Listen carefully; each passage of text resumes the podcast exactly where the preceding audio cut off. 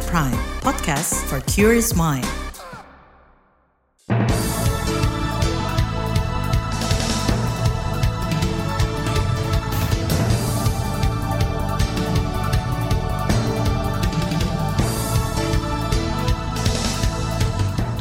Selamat pagi saudara, bersama saya Naomi Liandra dalam Buletin Pagi edisi Selasa 28 Februari 2023. Sejumlah informasi pilihan telah kami siapkan di antaranya, pemerintah didesak mencari formulasi tepat untuk harga gabah. PPATK akan usut dugaan transaksi janggal bekas pegawai pajak Rafael. Jelang Ramadan, sejumlah harga pangan di Yogyakarta naik. Inilah Buletin Pagi selengkapnya. Terbaru di Buletin Pagi. Saudara Persatuan Pengusaha Penggilingan Padi dan Beras Indonesia Perpadi menyoroti penetapan harga gabah menjelang panen raya. Ketua Umum Perpadi, Sutarto Ali Muso, mengatakan pemerintah harus menjaga harga di tingkat petani supaya tidak jatuh. Di sisi lain, harga gabah yang terlalu rendah juga akan menyebabkan penggilingan padi tidak bisa bekerja. Sementara jika terlampau tinggi akan membuat harga beras di tingkat konsumen turut naik. Ya, stoknya harga harga gabah itu maksimum tidak boleh melebihi, artinya tidak tidak bisa harus di bawah lima ribu. Sebenarnya itu intinya. Yang penting harga gabah ini tidak boleh melonjak kemudian turun jatuh melonjak gitu loh. Fluktuasi itu tidak tidak menguntungkan bagi usaha penggilingan padi. Tapi juga tidak boleh terlalu mahal supaya karena apa? Karena pemerintah mengatur harga eceran tertinggi. Antara eceran harga eceran tertinggi dengan HPP gabah ini harus tetap um, ada hubungannya. Ketua Umum Perpadi Sutarto Alimuso berharap pemerintah dapat mencari formulasi yang tepat dalam menetapkan harga gabah saat panen raya bulan depan. Kata dia, komponen produksi dan pasca produksi harus dimasukkan dalam formulasi perhitungan yang ditetapkan pemerintah. Sebelumnya, pemerintah melalui Badan Pangan Nasional Bapanas menerbitkan surat edaran penetapan harga batas atas pembelian gabah. Pemerintah menetapkan harga batas atas gabah kering panen tingkat petani yaitu Rp4.550 per kilogram. Untuk gabah kering panen tingkat penggilingan yaitu Rp4.650, sedangkan gabah kering giling tingkat penggilingan Rp5.700 per kilogram. Deputi Bidang Kerawanan Pangan Bapanas Nyoto Suiknyo mengatakan penetapan harga itu dilakukan guna mengantisipasi melonjaknya harga saat panen raya. Kata Nyoto, perlu ada keseimbangan harga gabah supaya perum bulog bisa menyerap beras panen raya secara maksimal, sebab Bulog akan kesulitan menyerap jika harga gabah masih terlalu tinggi di Badan Pangan Nasional telah mengeluarkan langkah yaitu menjaga keseimbangan agar penggilingan padi kecil dan menengah dapat memulai gabah dengan harga yang wajar maka dibuat surat edaran harga batas atas pembelian gabah atau beras agar Bulog bisa menyerap beras yang nantinya akan panen raya. Karena kalau berdasarkan harga yang ada sebelumnya Bulog hanya dibatasi 4.200 sehingga tentu tentu saja akan kesulitan untuk diperintahkan menyerap harga beras yang di lapangan sudah begitu tinggi. Deputi Bidang Kerawanan Pangan Bapanas Nyoto Suwiknyo berharap Bulog bisa melakukan penyerapan gabah secara maksimal untuk cadangan tahun ini. Sementara itu, kalangan anggota DPR menyesalkan langkah Bapanas yang tak melibatkan petani dalam menetapkan harga batas bawah dan atas gabah.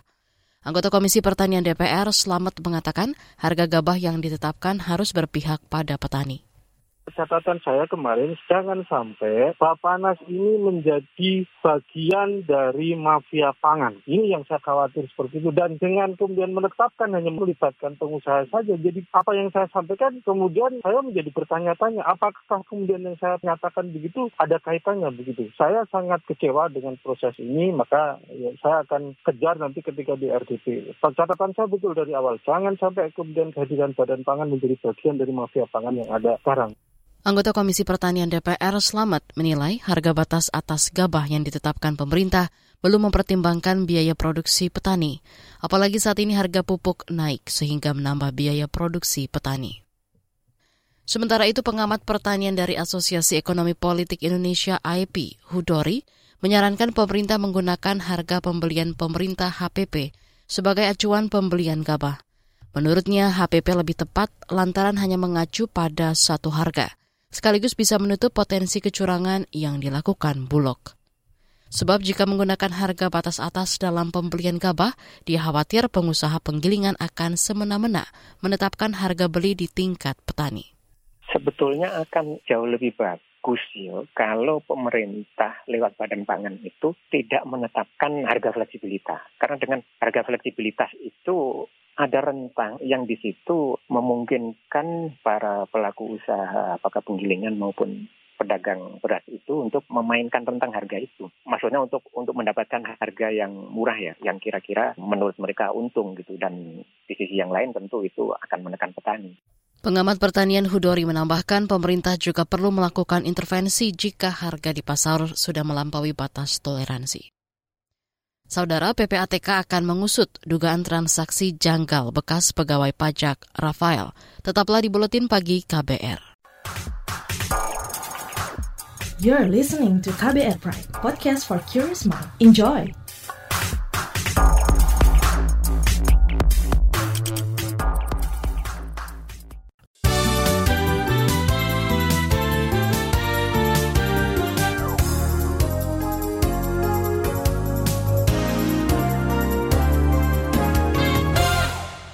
Anda sedang mendengarkan buletin pagi KBR.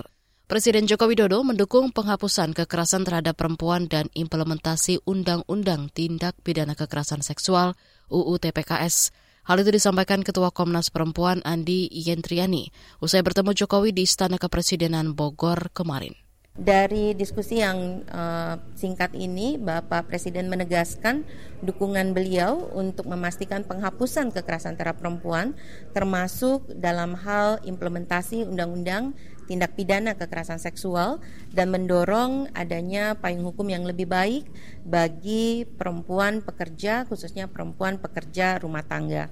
Ketua Komnas Perempuan Andri Yendriani mengatakan lembaganya menyampaikan beberapa situasi penting terkait penghapusan kekerasan terhadap perempuan kepada Jokowi.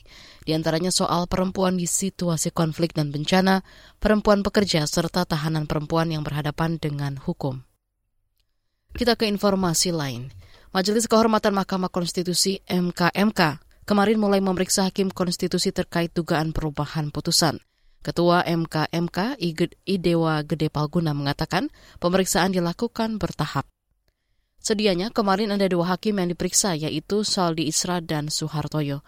Namun Saldi Isra berhalangan karena ada tugas. Nanti setelah jadi putusan baru kita akan siarkan secara publik. Itu, itu kronologinya secara jelas kan pertanggungjawaban akuntabilitas kami kan harus jelas. Asetnya semua ada, risalahnya ada, berita acara pemeriksaannya ada, putusannya ada. Nah, setelah, setelah itu ya sudah silakan. Tugas kami selesai. Kita publik sekarang mau mengkritik, mau memuji, itu kan kemudian begitu nanti. Ketua MKMK Idewa Gede Palguna mengatakan, pemeriksaan hakim dilakukan guna mencari titik terang dugaan perubahan frasa putusan MK. Sebelumnya dugaan perubahan itu terjadi pada putusan uji materi tentang Undang-Undang MK. Uji materi diajukan terkait pencopotan Hakim Aswanto. Perubahan terjadi pada frasa dengan demikian menjadi ke depannya.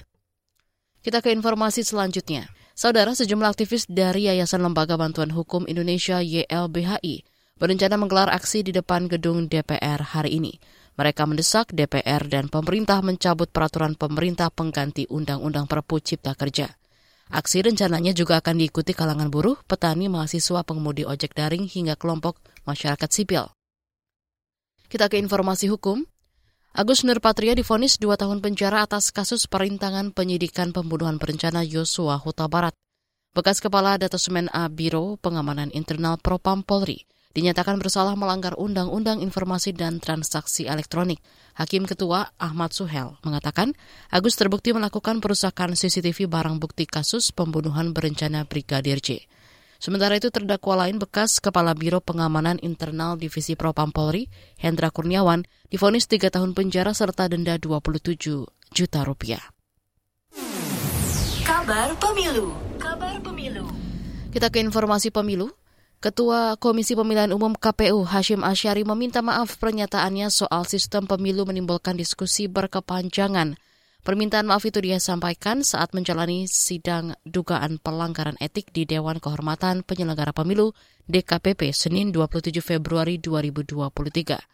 Hashim mengatakan dia tidak bermaksud mendukung sistem pemilu proporsional terbuka atau tertutup.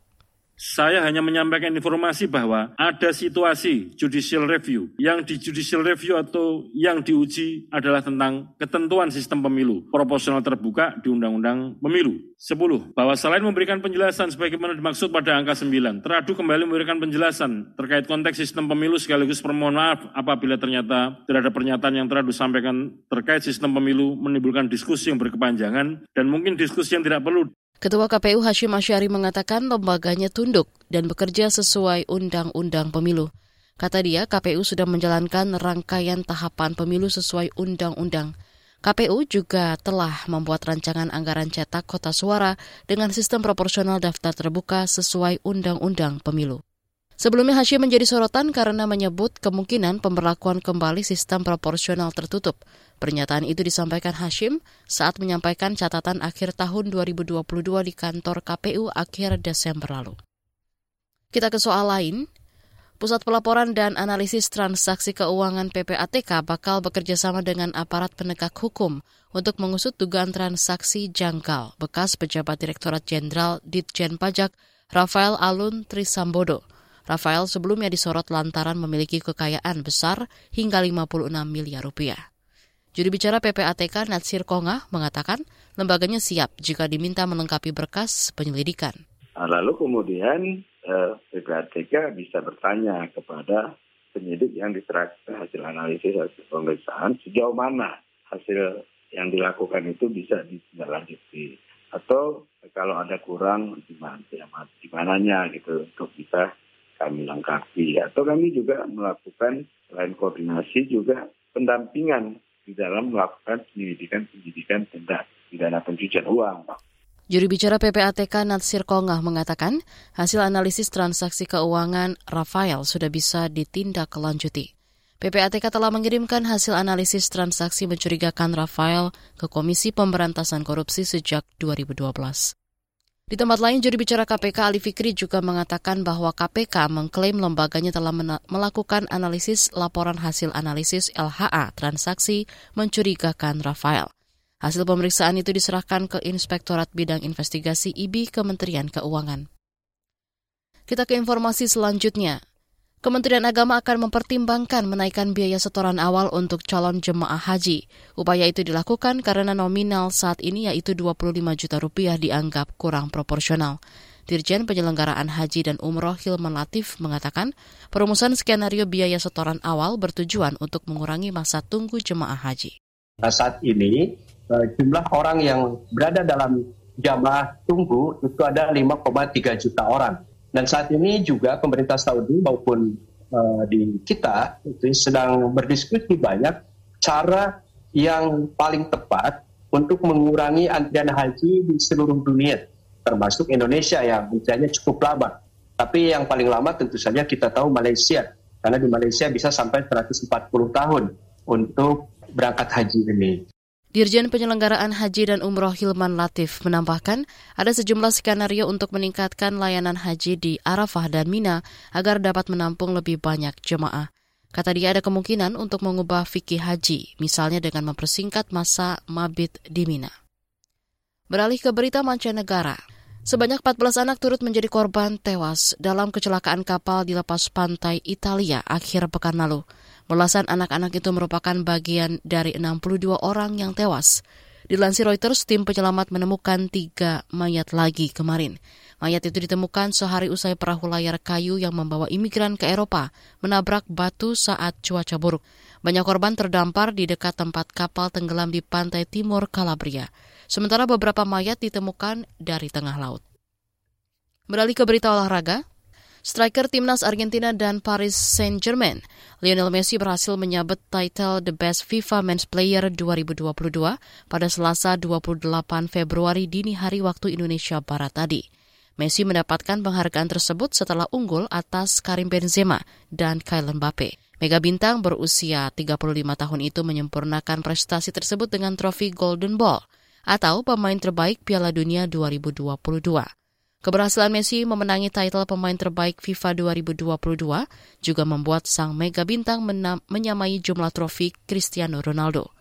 Keberhasilan Messi meraih gelar juara, juara Piala Dunia 2022 dengan timnas Argentina menjadi pendorong utama dari kesuksesannya mendapatkan penghargaan ini. Di bagian berikutnya kami hadirkan laporan khas KBR. Kekerasan kolektif menurun di 2022, korban meningkat. Tetaplah di Buletin Pagi KBR. You're listening to KBR Pride, podcast for curious mind. Enjoy!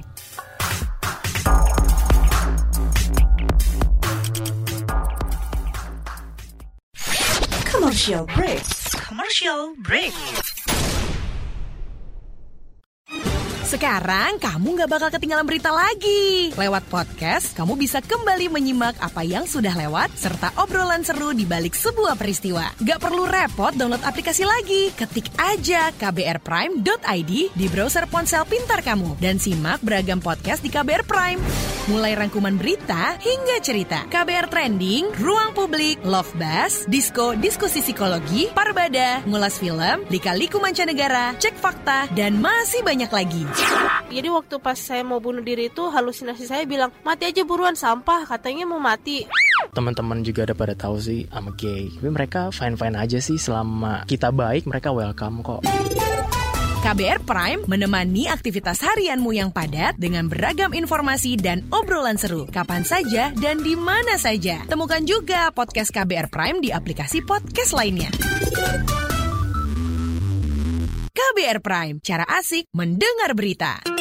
KBR Prime, podcast for curious mind.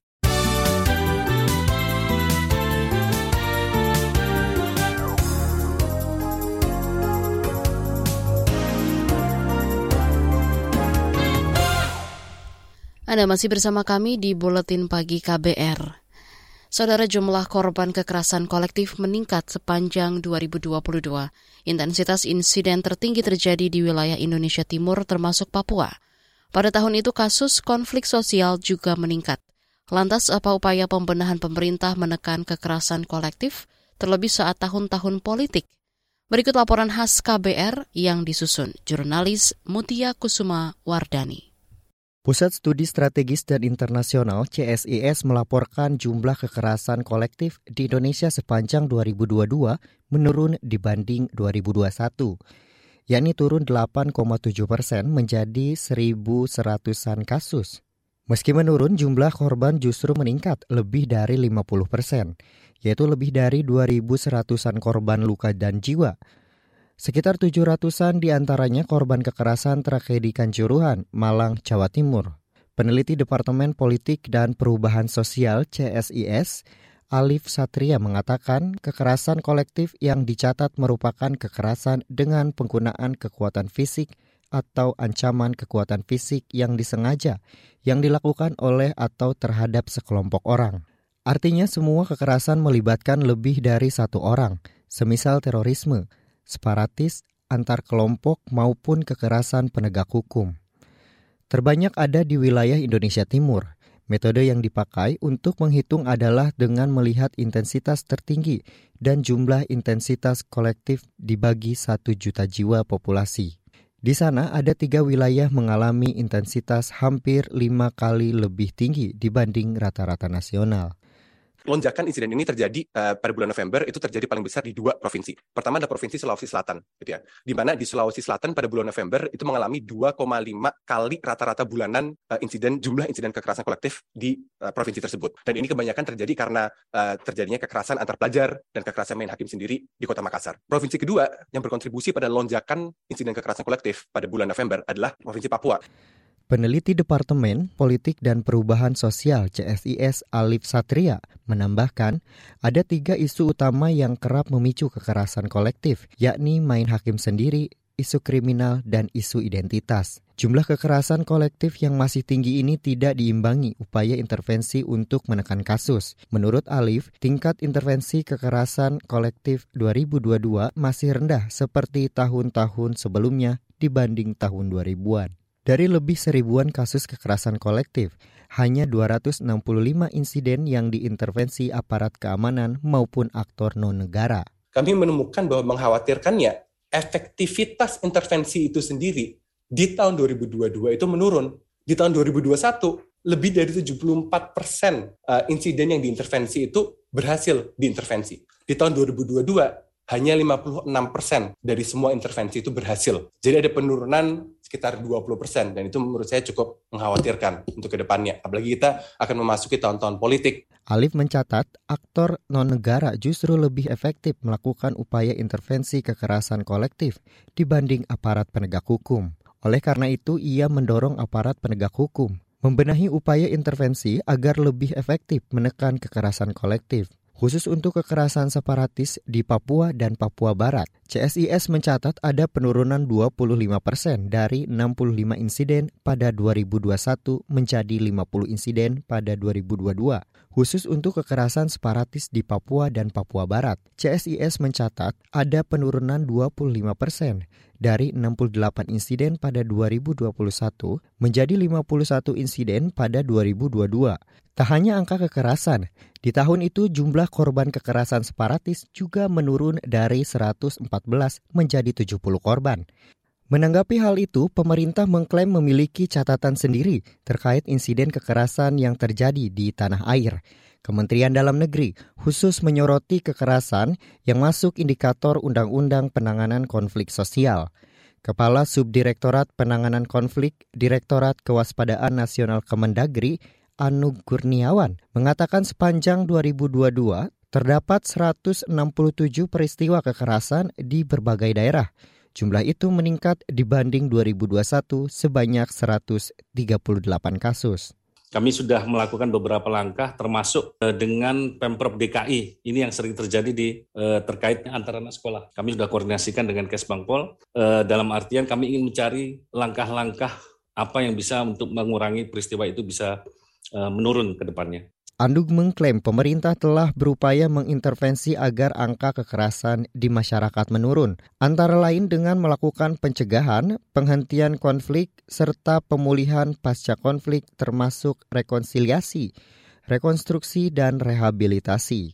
Dalam kesempatan itu, Ketua Majelis Permusyawaratan Rakyat MPR, Bambang Susatyo mendorong pemerintah menyusun upaya strategis untuk menekan kekerasan kolektif sesuai temuan CSIS. Demikian laporan khas KBR yang disusun Mutia Kusumawardani. Saya Heru Haitami. Informasi dari berbagai daerah akan hadir usai jeda, tetaplah bersama Buletin Pagi KBR. You're listening to KBR Pride, podcast for curious mind. Enjoy!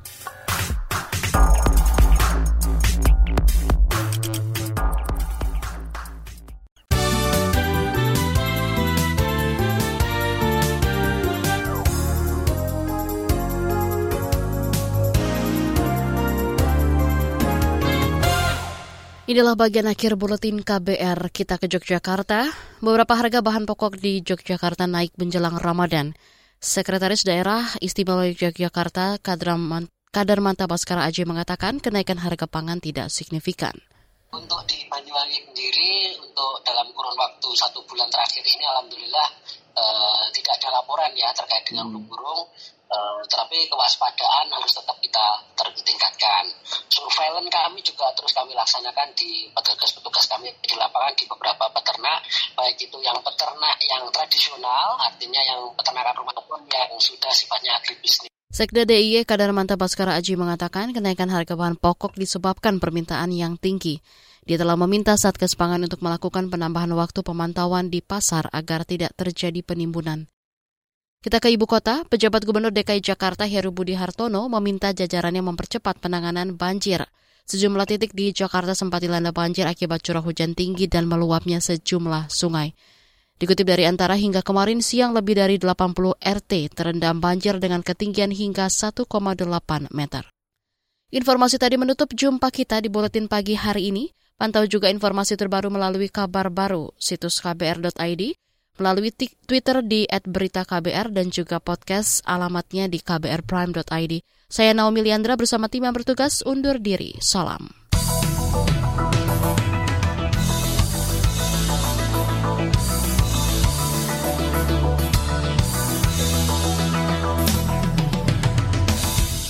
KBR Prime, cara asik mendengar berita. KBR Prime, podcast for curious mind.